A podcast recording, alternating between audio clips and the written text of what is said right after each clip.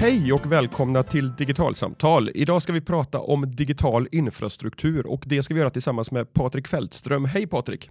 Hejsan hejsan! Aktualiteten för det här avsnittet är eh, bland annat en färsk rapport från IVA som heter Digitalisering för ökad konkurrenskraft och handlar om hur digitaliseringen förändrar förutsättningarna för bland annat ekonomisk tillväxt, konkurrens och innovation. Eh, och den här rapporten fokuserar på, på fem områden. Säkerhet, kompetens, integritet, samverkansformer och så ämnet för dagens avsnitt, infrastruktur. Och du Patrik har dels suttit med i styrgruppen för hela projektet och varit ordförande för den här arbetsgrupp som tittat specifikt på den digitala infrastrukturen. Ja, det är riktigt. Mm. Jag skulle vilja börja med en definitionsfråga så att vi vet vad det är vi pratar om här. Vad, vad, vad lägger du och ni i begreppet infrastruktur i det här sammanhanget? När projektet började så inkluderade vi infrastruktur specifikt naturligtvis det som är hårt som går att ta på som sladdar och sånt där. Men det visade sig att men det gick rätt snabbt så övergick vi till att infrastruktur är allting vad gäller eh, underliggande tjänster som man behöver som en leverantör av en tjänst. Och, och det, vilket gör att det kan ju vara allt ifrån eller EID och det kan vara vad som helst. Det kan också vara en del liksom, systembreda funktioner som behövs. Så det är inte bara liksom sladdar. Men det viktigaste här är egentligen inte vad det är för någonting som man behöver och inte utan en sak som vi slog fast väldigt tidigt i den rapporten det är att en gång i tiden så skapades telekommunikationstjänsten genom att varje leverantör av en tjänst levererar allting som behövs i värdekedjan och äger allting och hanterar allting i värdekedjan. Vi kommer ihåg att vi i hushållen hade en sladd för telefoni, en sladd för tv, en annan antenn för radio och så när vi skaffade fax så skaffade vi en telefonsladd till. Så det, det där kallar vi då alltså vertikala stuprör. Men det vi slog fast väldigt tidigt i, den, i det här arbetet det var att vi nu för tiden istället har horisontella lager eller det som vi kallar för lasagne. Där man har en tillhandahållare man väljer för leverans av allting i en viss nivå i värdekedjan. Och så har vi flera sådana staplade på varandra. Det, och, och, det slår vi fast att det där är ingenting att diskutera utan så är det. Och, och, om vi då tittar på men vad är då infrastruktur egentligen? Jo, infrastruktur är för en spelare i något av de här lagren det som finns under den, om du förstår vad jag menar. Och så levererar man saker till den som finns över den. Så att i varje lager så förädlar man, man paketerar och använder de det som levereras från någon under den i värdekedjan och sen så levererar man mer förädlade tjänster uppåt, så kan man säga. Men eh, all, all, den här fibern som har grävts ner i, i, i Sverige till exempel, D där har man ju pratat om, om svartfiber. Nu var det jättelänge sedan jag skrev om det här och, och jobbade med det, men, men, men där är liksom den, den, fysiska fibern som då blir en infrastruktur för de bredbandsoperatörer som, som hyr kapacitet i de här fibernäten, som i sin tur blir infrastruktur till de företag eller privatpersoner som väljer att bli bredbandskunder. Så, och därmed så bygger man sig uppåt i, i värdekedjan närmare en slutanvändare. Är, är det så jag ska förstå dig? Precis så, men här är också identifierade vi också väldigt tidigt ett av de problemen som vi har i Sverige. Det är att vi inte har bara de tre lagren som du pratar om utan det är väldigt ofta som så i Sverige att den som, eller rättare sagt det är nästan alltid som så att den som äger fibern också är den enda som hyr den. Och sen i sin tur, det vill säga den tillhandahåller bara transmission. Och det där ser vi på diverse olika sätt i Sverige. Antingen vad gäller de som har långdistansfiber så kan du oftast bara hyra transmission av något slag men det är också det som kanske man behöver. Men vad som är värre det är alla de olika stadsnät och så kallade kommunikationsoperatörer som är monopolister i lagret som är alldeles ovanpå fibern. Eh, och, och då, där kan man jämföra diverse olika städer i Sverige och se att Stokab till exempel i Stockholm och, och, ett par andra orter i Sverige. Där är det faktiskt så att den som tillhandahåller, äger svartfibern också tillhandahåller svartfiber som produkt. I andra ställen så, så finns inte svartfiber som produkt utan man måste som slutkund först vara kund till en och samma leverantör som levererar fiber och sen är det samma leverantör som levererar en KO-tjänst. Och sen så kan man välja mellan de olika internetleverantörerna som alltså har transmission i det här i det här monopolnätet så kan man säga. Så att det här med horisont, men det där kan man diskutera huruvida det där är bra eller dåligt och hur det ska vara, vad som är mest ekonomiskt försvarbart. Men det är därför som jag till exempel hänger upp mig så väldigt mycket på ordet bredband som för mig inte säger någonting. För det, det, det är ett generellt begrepp skulle man kunna använda om man är väldigt högt upp i värdekedjan, till exempel någon som levererar Eh, till exempel Skatteverkets deklarationstjolahopp eh, på över en webbsida. Fine, då behövs det bredband mellan en själv och, och den som ska deklarera. Men ordet bredband det blir liksom ett samlingsbegrepp för alla de olika lagren i värdekedjan som, som behövs för att skapa den där slut slutliga produkten bredband som är rätt högt förädlande. Förstår jag menar. Men för att titta på hur de olika ekonomiska modellerna, var det ska finnas konkurrens, var det inte finns konkurrens, var det inte finns tillräcklig konkurrens, var man ska, tillhand, var man ska tillåta de facto monopolister, vad affärsmodellerna ser ut, så måste man dela upp den här kakan horisontellt. För, om bara liksom hänga kvar vid hur det såg ut förut då, i det som du kallar för stuprör. Jag, jag tänker mig liksom hela vägen tillbaka till, till det gamla kopparnätet för telefoni, där, där, det var Televerket som, som ägde näten och det var Televerket som sålde telefonerna till och med från början. Så, och, och de tillhandahöll på sikt AXE-tjänster i, i, i, nätet och så vidare. De kontrollerade liksom hela vägen från den faktiskt fysiska infrastrukturen till de tjänsterna som jag som konsument upplevde att jag faktiskt använde och betalade för. Ja, alltså så här. Nu är jag ju lite äldre än du gissar jag. Det var till och med inte som så att de sålde telefonerna. Det tog en jävla tid när de gjorde det. Från början hyrde de ut telefonerna. Okay. Det var ja, del av evenemanget. Ja. Ja. Ja. Okay.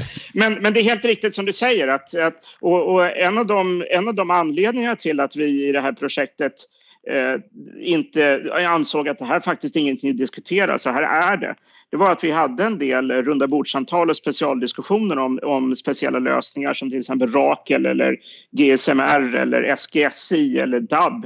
Eh, det vill säga att det fortfarande i samhället faktiskt byggs lösningar som är sådana här stuprörslösningar.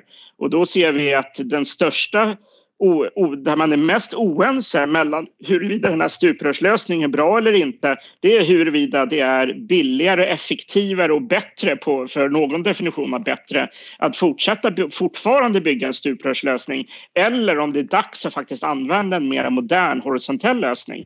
Eh, och, och, det där är man ruskigt oense om och eftersom man, är, eftersom man är oense om det och det inte har utretts ordentligt, det inte gjorts en ordentlig eh, konsekvensanalys så, så är det klart som sjuttsiken att folk folk är irriterade och förbannade på dem. Mm.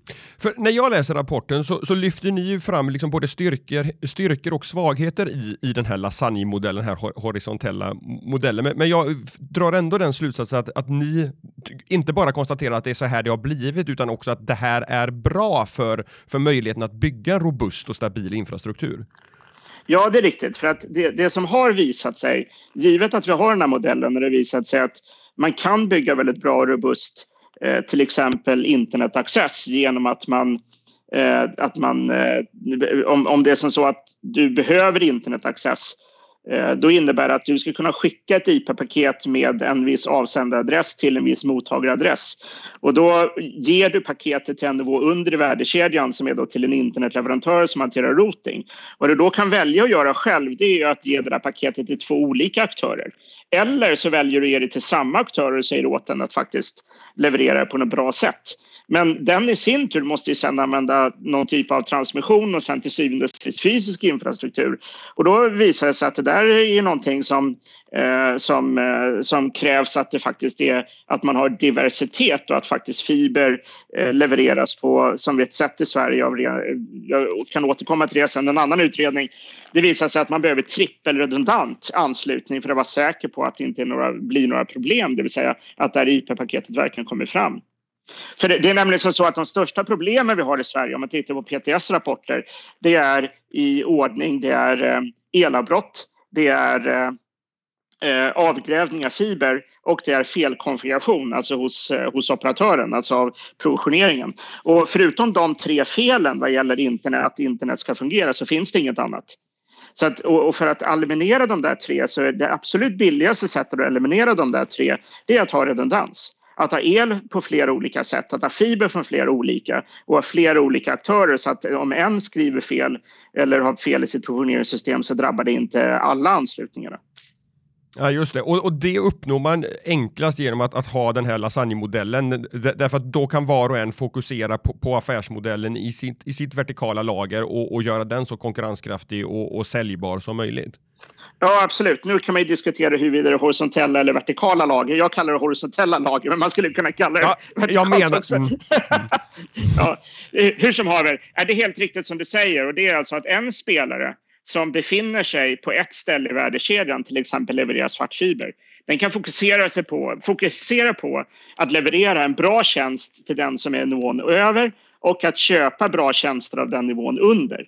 Och är det som så att man kan fokusera på den rollen så kan man, kan man utföra sitt uppdrag på ett framförallt ett förutsägbart sätt. Och det är det de över en i värdekedjan som alltså köper det som tjänst behöver. För det är förutsägbarheten som är det viktiga. Och är det som så att någon på nivån över i värdekedjan då köper att två stycken olika då vill ju den på nivån över ha reda på att det faktiskt finns diversitet och redundans genom att köpa två olika. Så att man får en mycket stabilare och robustare lösning. Just det. Eh, hur, hur mår svensk digital infrastruktur idag då? Ja, det mår rätt dåligt faktiskt. Aj då. det, mår, mår i själva verket rätt jävla uselt. Okay. Eh, och det där består av två stycken olika skäl. Det ena tittade vi på i den här IVA-rapporten och det visar sig att eh, det som är meningen ska vara robust byggs fortfarande i alldeles för mycket stuprör. Och därför ser vi också alldeles för mycket avbrott och eh, vi ser helt enkelt att de här stuprörslösningarna som byggs inte blir så pass stabila som man kanske tror. Och vi drar ju slutsatsen i IVAs, eh, i IVA-rapporten då, i, eller på IVA drar vi då slutsatsen att här har man antagligen valt en lösning som kanske var bra för 20 år sedan men idag är det inte den bästa. Det kostar alltså alldeles, alldeles för mycket pengar och robusthet och funktionalitet får man istället genom att köpa multipla spelare och därmed att man accepterar att man har horisontella lager. Vi kan ta Rakel som ett exempel där vi såg Uppdrag granskning titta på hur det fungerade i, i, bränderna, i, eh, i bränderna sommaren 2018 till exempel. Bara som ett exempel. Att det där fungerar inte speciellt bra utan vanlig privat mobiltelefoni fungerar bättre. Ehm, eh, så att det, där är, det där är bara ett exempel på hur hur, eh, alltså hur, hur där, vi ser, där vi ser att saker och ting har misslyckats. Ett annat sätt som vi ser det, om vi tittar på lite mer åt cybersäkerhetshållet så har vi också på IVA tittat på eh, hur samordningen av olika typer av säkerhets och cyberrelaterade frågor hanteras Eh, och då ser vi att det är spritt på flera olika myndigheter. Jaha, men då går vi ett steg upp och tittar på vilka de myndigheterna rapporterar till. Och då ser vi att, men vänta nu ett tag, de rapporterar till 71 olika departement som dessutom ändrar sig vartannat år bara för att regeringen ändrar sin struktur. Och sen tittar vi, men vänta nu ett tag, alla de där olika myndigheter, de olika departementen, de måste ju åtminstone finnas en samordningskansliet motsvarande på statsrådsberedningen. Men det finns det ju inte. Så att det finns ingen koordinerande ansvar, inte ens inom regeringskansliet. Så det finns alltså ingen som ser till, som, som, alltså, som koordinerar, och, och, koordinerar och ser efter vad det är som egentligen behövs. Och helt enkelt ingen som gör någon korrekt konsekvens och ingen som är ansvarig för att göra en korrekt konsekvens och konsekvensanalys för olika typer av lösningar i Sverige. Och det ser vi också på de utredningar som gjorts att just brist på konsekvensanalys är helt makalös och det ser man ju om inget annat på remissvaren till olika utredningar där man ser att remissvaren är polariserade och, det, och från min, min synvinkel då, så är det ju precis det en utredare egentligen ska ta hand om. Här är det, finns det flera olika polariserade eh, svar som är helt olika. Anledningen till att A ser på ett sätt och B ser på ett annat sätt är följande och drar man en nationalekonomisk analys över det här på kort sikt och på lång sikt så blir det följande slutsatser bla bla bla. Det är det utredaren ska skriva så att sen remissvaren blir ja men okej då. Men det gör de ju inte utan istället är ju remissvaren sådana att man ber, liksom, ber regeringen kasta utredningen i papperskorgen och då har inte utredaren gjort tillräckligt bra jobb tycker jag. Den tredje, den tredje saken som vi ser det är att om vi då går tillbaka till dem så det saknas den här samordningsfunktionen med, inom regeringskansliet. Men om man sen då går istället till eh, och tittar på de olika myndigheterna och organisationerna så samordnar de sig i olika typer av grupper som Samfi och olika typer av eh, forum. Och de där fungerar förvånansvärt bra. Men de skulle kunna vara ännu mer effektiva Eh, om det var så att man faktiskt erkände dem och gav lite mandat och gav dem faktiskt göra sitt jobb och att myndigheterna när de väl sa att de skulle göra något att de verkligen såg till att rapportera tillbaka och, och såg till att det fungerade. Så att den här botten, så att det, finns, det saknas en top-down funktion och den existerande bottom-up funktionaliteten vi har i samhället borde kunna vara lite bättre. Framförallt om man också inkluderar privat sektor. Den skulle kunna göras mycket smidigare. Men det låter lite grann som att från, från liksom det offentliga perspektiv så vet inte alltid vänsterhanden vad högerhanden håller på med i, i, i de här frågorna då, just därför att den här sammankopplande in, instansen på, på högsta liksom, samhällsnivå inte finns. Det är riktigt och det som finns är ju en hel del som Digitaliseringsrådet och sen den nya myndigheten för eh, DIGG vad det nu egentligen står för. Nu kommer jag inte ihåg det, det är så många förkortningar, jag ber så väldigt mycket om ursäkt. Men hur som haver, eh, det, tyvärr är det som så att på lite högre nivåer så fungerar som den här nya myndigheten. De fokuserar, och det tycker jag är fantastiskt bra, på vad som är rätt prioritetsordning för offentliga myndigheter för att de ska kunna eh, kunna digitalisera sig vilket för mig innebär att de ska göra saker och ting på ett nytt sätt och det sättet som fungerar tack vare digitaliseringen. Och det där är ju fantastiskt bra men till exempel fungerar det inte och inte heller det som eh, Bredbandsforum och andra pratar om. Det fungerar ju inte om det inte är som så att vi har en väl fungerande infrastruktur, alltså en bra internetaccess i Sverige. Och det där är det egentligen ingen som tittar på. Och om vi då tittar på sådana som Bredbandsforum så pratar de just om bredband och, och, och de tittar tyvärr inte på till exempel skillnaden mellan, eh, mellan fiber och investeringar skillnaden mellan investeringar och kostnader och avskrivningar och vem som ska ansvara det där. Alltså, ju längre ner i värdekedjan man kommer desto flummigare och luddigare blir det och det är lite tråkigt eftersom det just det vad gäller passiv infrastruktur, alltså fiber, det är där det måste göras väldigt stora investeringar. Det säger alla och det säger också Stadsnätsföreningen och Bredbandsforum. Alla säger att man måste göra stora investeringar i fiber. Så där är jag överens med dem. Men därmed jag, inte, jag personligen är inte överens med dem om, eh, om att eh, utvärderingarna har gjorts rätt om hur det ska investeras och var det finns svårigheter. Nej. Vilka konsekvenser får det att, att den infrastrukturen inte liksom är så robust som vi kanske inbillar oss i, ibland, vi som är vanliga internetanvändare, oavsett om det är som privatpersoner eller, eller företag. Liksom, vad, vad, vad, är liksom de negativa effekterna utav att det ser ut som du målar upp bilden nu? Om vi börjar med det positiva så är det att det är billigt. Ja. så kan man säga. Mm. Men däremot är, däremot är det en hel del installationer. Det är lite grann som att kissa i byxorna. Att det, är liksom, det ser väldigt bra ut men sen blir det väldigt kallt och kladdigt efter ett tag. Då. Så att, eh, lite grann är det så att det blir inte så robust som vi vill. Det blir väldigt mycket avbrott. Det blir avbrott vid väldigt li, relativt liten stress. och med stress menar jag då antingen naturkatastrof av något slag. Det behöver inte vara väldigt dåligt väder utan, utan att det blir avbrott. Eh, eller att det blir eh, elavbrott en kort tag eller att det är någon som kör med grävmaskin som gräver av och så blir det ett stort avbrott under flera dagar. Eh, men det kan också vara eh, rena investeringar som blir helt enkelt det blir, blir för dålig kvalitet. Nu har ju PTS bland annat kört ett projekt som heter Robust fiber som tittar på själva fiberinstallationen i sig så att när det väl ska läggas en fiber att den görs med hög kvalitet så att man inte behöver serva den på 20-30 år och det är bra. Men det finns ju också dåliga installationer som fortfarande måste, måste redas ut.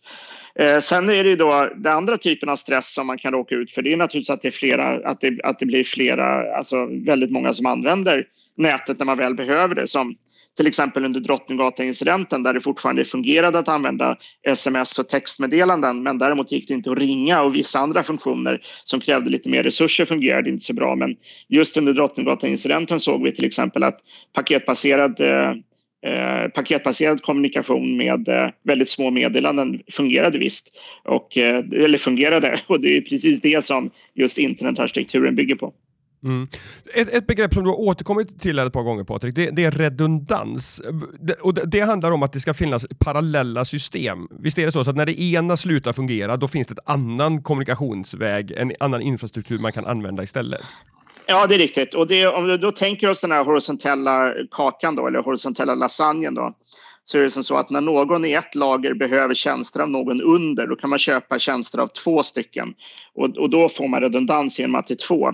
I vissa fall räcker det inte med att det ska vara redundans. Man vill också att det ska finnas diversitet som det kallas, det vill säga att de två man köper av är oberoende av varandra. Det enkla sättet att se det som det är att Skillnaden skillnad mellan redundans och diversitet är om man köper fiber från två stycken fibertillhandahållare. Då är redundans att det är två stycken fibertillhandahållare men diversitet det är att de två fiberstråna går i olika diken som är, så att man inte gräv, kan gräva av båda i samma grävskopstugga om du förstår vad jag menar. Så att redundans, redundans är helt riktigt, det ska vara multipla men därför så vill man dessutom kanske man vill ha diversitet. Eh, de två leverantörerna av till exempel ett, eh, en mjukvarulösning kanske ska använda olika programvara eller olika operativsystem. Det är också diversitet. Så att om det kommer en bugg eller någon zero day-grej så ska det inte drabba båda. Så att redundans är bra men eh, vill man vara riktigt petig så finns det diversitet. Men alltihopa bygger också på att till exempel om du köper av två stycken olika parter då kan det hända att det blir upp till dig att se till att Eh, det finns tillräcklig diversitet mellan de där två redundanta lösningarna. Det kanske är billigare för dig att faktiskt köpa av en part och sen kräver av den parten att den ska leverera en redundant lösning och då är det den organisationen som du köper av som får garantera diversiteten. Så att det är inte helt glasklart det där det att vad som är bäst för en själv att hantera. Det beror på hur man kan hantera att det liksom är lagret under eller inte. Nu kommer du in på en ganska, eller vi kommer in på en ganska komplicerad fråga här tänker jag och det, det handlar ju om beställarkompetensen här i varje lager att faktiskt förstå vad det är man behöver upphandla från, från lagret under hela vägen upp liksom till, till det företaget som behöver ha en internetuppkoppling till, till, till sin industri eller vad det nu är. Att, att för, förstå vad redundans är, att förstå vad diversitet är och så vidare så att man faktiskt kravställer på sina leverantörer på rätt sätt. Ja, precis. Man, man måste ju se till att man förstår vad det är man ska köpa. Och det där spelar ju ingen roll om det är så att man köper av någon utanför ens organisation eller om man köper inom sin egen organisation. Du förstår jag menar. Det vill säga samma organisation kan ju ha, kan ju ha olika roller i flera lager i värdekedjan. Det finns inget fel i det. Till exempel att ett stadsnät både äger fiber och hanterar transmission. Då har de ju två olika roller. Men det är fortfarande så att den som äger fiber är leverantör till den som, den som är liksom transmissionstillhandahållare och, och, och motsvarande på flera lager i värdekedjan kedjan. Men man måste ju liksom förstå den här köpar-säljer eh, källar, köpar beställarrelationerna i en sån här horisontell skiktning, en sån här lasagne som vi på IVA pratar om. Mm. Och det här är ju en av de fem punkterna som ni, som ni landar i behövs som viktiga för att säkerställa den, den, digitala infrastrukturen. En annan av de punkterna som du redan varit inne på är det här att skapa en effektiv politisk samordning av digitaliseringsfrågorna där, där ett av förslagen då handlar just om ett samordningskansli inom ramen för regeringskansliet. Va, va, kan, kan du utveckla den tankegången lite grann? Va, vad skulle man uppnå med ett sådant samordningskansli för de här frågorna? Ja, det, som, det, det, alltså, det, det, skulle behövas ett kansli som koordinerar de här olika frågorna. Det, för det finns väldigt många, på de olika departementen så finns det väldigt extremt duktiga tjänstemän. En del som jobbar alldeles för mycket och är utslitna och det måste man ta hand om naturligtvis. Men det finns extremt kunniga människor och grupper och enheter på olika departementen. Men det finns ingen som koordinerar mellan dem. Så att det, finns, det finns inte någon övergripande, eh, ska man säga, en övergripande risk och sårbarhetsanalys. Det finns ingen övergripande konsekvensanalys vad det skulle kosta att göra vissa olika typer av insatser. För det kan vara som så till exempel att insatser vad gäller att eh, bygga fibernät i hela Sverige och få ordentlig redundans. Eh, om det skulle hanteras och koordineras Eh, över privat sektor och kanske det skulle kunna göra försvarsbudgeten billigare om du förstår vad jag menar. För att det kan hända att en hel del av försvarsdepartementets insatser egentligen har att göra med eh, insatser som gäller att kommunikationen inom Sverige fungerar vid väldigt extrem stress och då vore det faktiskt bra om det fanns fiber överallt. Så att, eh, så att det finns diverse olika koordineringar man måste kunna göra för att se till att riskaptiten för Sverige, inte bara för ett enskilt departement, alltså frågan är så pass breda som täcker flera olika departement och då måste det finnas en koordinering där. Så att risken som du säger handlar inte bara om att inte, in, inte förstå utan man tar onödigt stora kostnader också genom att inte samordna det här. Ja, ur Sveriges perspektiv blir det onödigt stora kostnader. Ja. Men med varje myndighet, jag vill inte Nej, klaga precis. på myndigheterna för sig eller departementen för sig. Var och en tar extremt bra beslut idag som det är, men bara givet den lokala kontexten som det lokala ja, den lokala parten arbetar i. Vi måste lyfta det ett nivå till. Vi kan ta ett annat exempel. Om vi tittar på säkerhetsfrågorna så har vi just eh, tagit, eh, ja idag tar vi i kraft faktiskt 1 april, nya säkerhetsskyddslagen och det var ju tur att den kom till slut. Eh, och det tycker jag är bra. Men vi har ju en annan lagstiftning vi har tagit i drift som är det så kallade NIS-direktivet. Det har jag ett extrema problem med för det där är någonting som man, där man kräver att alla organisationer i Sverige, privata såväl som myndigheter, ska göra något som kallas för kontinuerligt säkerhetsarbete, vilket innebär att när det väl blir en incident så ska man eh, ta hand om den, man ska ta reda på varför, man ska ta, ta fram förbättringsåtgärder, så ska man implementera förbättringsåtgärderna och så kör man vidare tills det händer någonting igen. Så att det där, sånt där kontinuerligt arbete som brukar exemplifieras med cirkel, det ska alla göra. Men själva lagstiftningen som vi implementerar till Sverige den kräver bara att eh, parter som levererar samhällsviktiga tjänster oavsett om de är offentliga eller privata, om det blir en incident ska man rapportera in dem. Och sen är det klart liksom. Men, men liksom, man kräver att andra ska göra ett kontinuerligt säkerhetsarbete. Men man kräver inte att Sverige ska ha ett kontinuerligt säkerhetsarbete. Det vill säga när väl folk har levererat in de här olika incidentrapporterna då måste ju någon ta fram förbättringsåtgärder på Sverigenivå och sen ska man rapportera till vilka det nu är som ska göra förbättringsåtgärder, se till att de implementeras och sen så väntar man tills det händer någonting igen. Och, och, och så som det nu så krävs det bara inrapportering, ingenting mer och det kommer väl kanske som bäst göra att folk faktiskt eh, ja, rapporterar in för att inte få smäll på fingrarna, inte för att man rapporterar in för att det faktiskt ska hjälpa. Men, så vi, behöver, vi, behöver alltså, vi behöver mycket, mycket mer arbete på Sverigenivå. Det, det, låter som det här är, jag sitter med listan här med, med, med, med de här fem punkterna framför mig. Där den tredje punkten är att skapa en samlad bild av det verkliga framtidsbehovet av digital infrastruktur. Det låter som att det, det, det kopplar in lite grann här också, att, att man, man, man verkligen tar ett, hel, ett helikopterperspektiv på vad, vad, vad, behöver Sverige och hur ska Sverige Abs komma framåt? Här? Absolut, men det är väldigt, väldigt viktigt att, att inte feltolka vad vi menar med ett samordningskansli. För att, det kan, för att till exempel är det som så att eh, alltså Försvarsdepartementet har ju väldigt bra bild ur sitt perspektiv. Den här nya myndigheten, eh, DIGG-myndigheten har ju fantastiskt bra perspektiv vad gäller sam, alltså, eh, offentliga e-tjänster eh, och så vidare. Så att, och PTS har väldigt bra bild över hur det ser ut med infrastrukturen i Sverige. Så att, bland annat genom rapporten Särimner som vi gjorde på nätten och dop med Sunet som visar att inte ens fiberinfrastrukturen är speciellt bra i Sverige. Men, men om, om vi hoppar över det så är det så att samordningskansliet den ska bara dela ut arbetsuppgifter och samla ihop dem från de här duktiga myndigheterna och organisationerna för att skapa en samlad bild. Så att det gäller att få en tydlighet i vem som gör vad. Och det, det den här samordningskansliet ska göra är att se var någonstans finns det eventuellt överlapp och var finns det eventuella blottor och tydliggöra vilken myndighet som har hand om vad. Mm.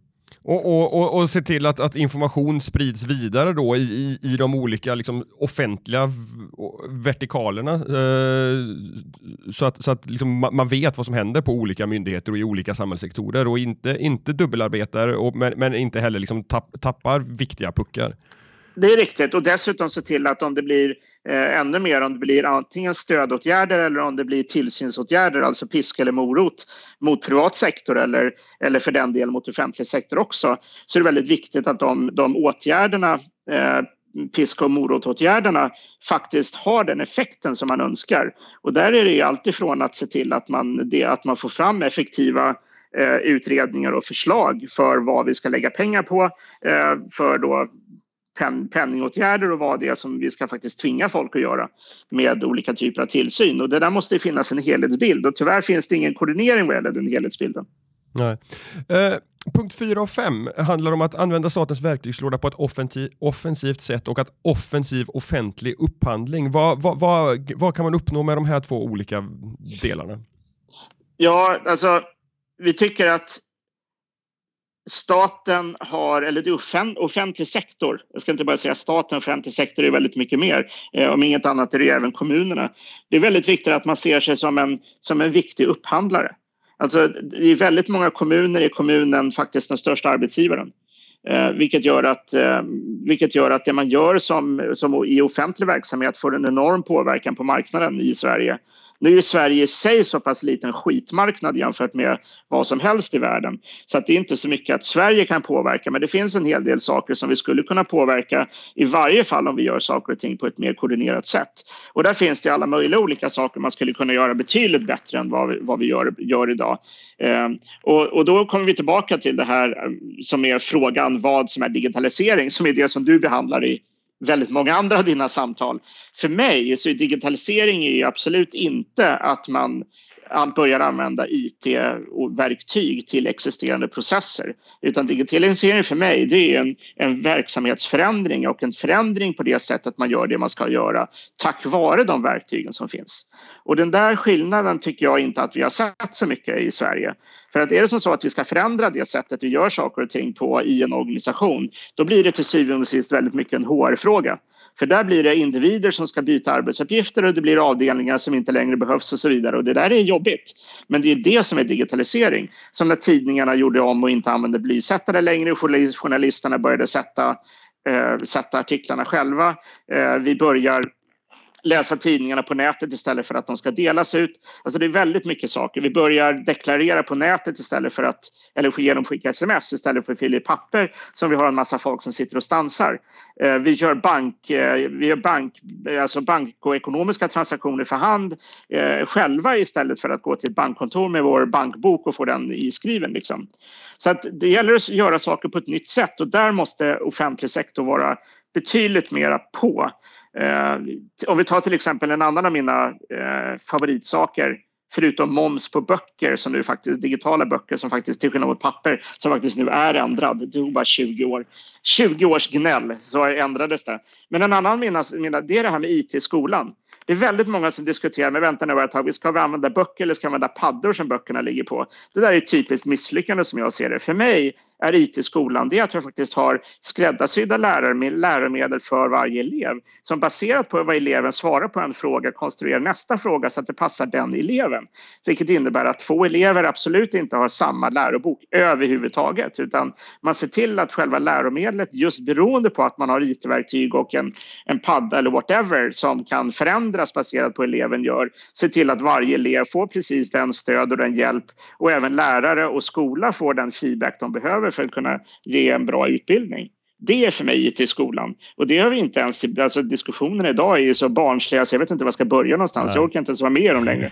Eh, jag, jag, tänker på en annan aspekt, av det här med offensiv offentlig upphandling. Jag vet att jag i något sammanhang har, har intervjuat dig om, om det här med behovet utav, utav öppna standarder som ett sätt att bygga liksom, den här robusta infrastrukturen. Därför att om man in, inte köper en lösning som är specialutvecklad utav en leverantör så kan man sen koppla ihop massa olika lösningar eh, från olika leverantörer och då liksom öka möjligheterna till den här redundansen. Eh, och att, att du i något sammanhang, om jag inte missminner mig, menade på att här, här kan offentlig sektor spela en viktig roll genom att, att kravställa på liksom, öppna standarder snarare än proprietära lösningar. Är, är det någonting som faller in under den här offensiva upphandlingspunkten? Liksom, ja, det gör det.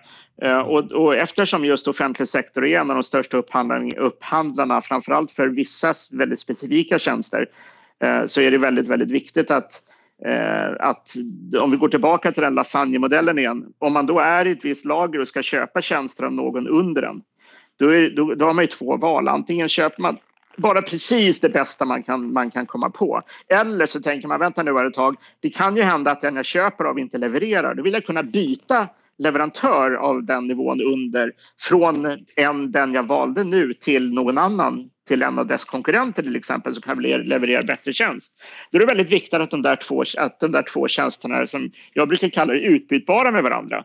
Och det lättaste sättet att få tjänster utbytbara det är att du när du väl ska haka in dig i någon av de där tjänsterna att du använder en, väl, en, en, en standard. Det vill säga att dina system använder en standard, kan prata med en av dem. Om det inte funkar så byter du bara till den andra och du behöver inte göra någon utveckling på din sida. Det värsta som finns det är om man köper en tjänst av någon under den här värdekedjan så måste han passa på sin sida. Sen sitter man fast i den leverantören oavsett vilket skit de levererar så är man tvungen att anpassa sig till att eh, man sitter helt enkelt fast för det ligger för mycket kostnader, utvecklingskostnader på sin sida för att byta. På, på, samma sätt som jag kan köpa en lampa med en E27-sockel från vilken leverantör som helst. Om jag inte är nöjd med kvaliteten på, på de lamporna jag köper nu så går jag till en annan leverantör och hoppas på att de, de lamporna faktiskt håller, har en bättre livslängd. Bara som ett... Liksom, mm. Exakt, och där ser vi lite problem nu med allt det där som heter internet och things och styrbara lampor och allt för nu är för någonting. Och där förväntar jag mig att, att äh, statliga Eh, Eh, att, att offentliga ägare av byggnader till exempel tar ett beslut här. Vad är det de ska använda för lampsystem och styrsystem egentligen? Ska man köpa allting från en och samma leverantör? För där ser vi ju väldigt mycket stuprör nu. Det är bara att titta själv hemma om du vill köpa smarta lampor av någon leverantör. Då, då liksom, hur många olika leverantörer är det? Jo, det finns kanske 7, 8, 10 stycken. Men du kan, måste ju välja ett system. Du kan liksom, om du har valt att köpa ett system från någon. Liksom, hur sjutton ska du kunna köpa lampor från någon annan? Där sitter man, det är en typisk sån där, där man sitter fast istället för att och det beror ju då på att standarden ligger för högt upp i värdekedjan. Det måste, alltså, det måste vara så pass enkelt att man faktiskt kan byta glödlampa. Det är inte så himla enkelt idag. Mm. Eller ännu värre, ström, strömbrytare till exempel. Alltså jag väntar ju på att de stora fastighetsbolagen ska bestämma sig. Och där måste liksom Skanska och andra, och de ska ju liksom, hur ska det vara egentligen här? Ska de kunna köpa strömbrytare till olika fastigheter från olika leverantörer? Eller ska de hoppa i säng med bara en av tillverkarna av strömbrytare och sen är det klart då? Och jag hoppas ju att de inte väljer att använda bara en leverantör utan att faktiskt eh, ha olika standarder. Och där hoppas jag också på sådana som Vinnova till exempel. Att när de gör sina experimentbygganden och sånt som eh, Norra Djurgårdsstaden gjorde de ju till exempel och satsade rätt mycket på. Men där blev det ju, där blev det ju mer ett, ett showroom för olika leverantörer vad de hade för olika system istället för att kräva att flera olika leverantörer ska använda samma standard. Det vill säga att man ska ha flera olika leverantörer till och med i samma lägenhet om inte ens om inte samma, samma fastighet.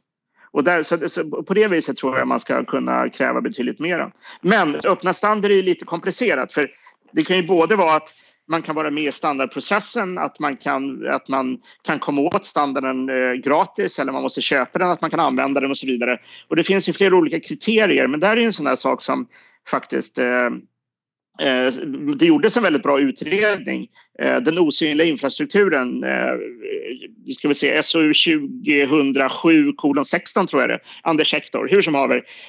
Den går igenom det fantastiskt bra. 570 tjocka sidor som en jävla tegelsten. Men den går precis igenom det här med vad man gör för olika val när man väljer en standard. För det kan ju vara som så att ännu så länge du vill köpa någonting för att vara offensiv. Men för att vara offensiv så finns inte standarden klar. Så att, att vara offensiv innebär inte att man ska använda standarden utan att ibland törs, att man tar ett medvetet val och väljer något annat. Och det måste man också acceptera. Är du positiv om du blickar framåt över hur, hur svensk infrastruktur kommer må om ett, fem eller tio år om vi gör om den här intervjun då? Eh, på tio år kanske. Jag tycker att vissa områden så börjar det se lite bättre ut. Men eh, på andra områden är det fortfarande väldigt dåligt tyvärr. Eh, så att jag tycker till exempel vad gäller fiber Eh, förläggning och sånt är inte alls så bra som, eh, som det borde vara. Nu är det så pass dåligt så att till exempel Post och telestyrelsen har vaknat upp eh, och det ser vi i den här organisationen Samfi i dess 77 olika åtgärdspunkter så finns det en punkt där som, som säger att man måste faktiskt se till att det här blir lite bättre i Sverige. Men jag vet ju inte hur de ska lyckas göra det och det kommer ju ta tid. Sen är det andra detaljer som till exempel att ja, alltså det, det, det, är rätt mycket faktiskt att göra. Vi har alldeles för mycket vertikaler och det måste lösas upp. Och det där mm. kan man nog inte lösa om vi inte är som så att vi får till någon väl fungerande eh, diskussioner eh, över eh, över eh, departementsgränserna eller över myndighetsgränserna och det, det är en bit kvar där. Mm. Patrik, stort tack för att du var med och diskuterade de här frågorna i Digitalsamtal. Tack så mycket.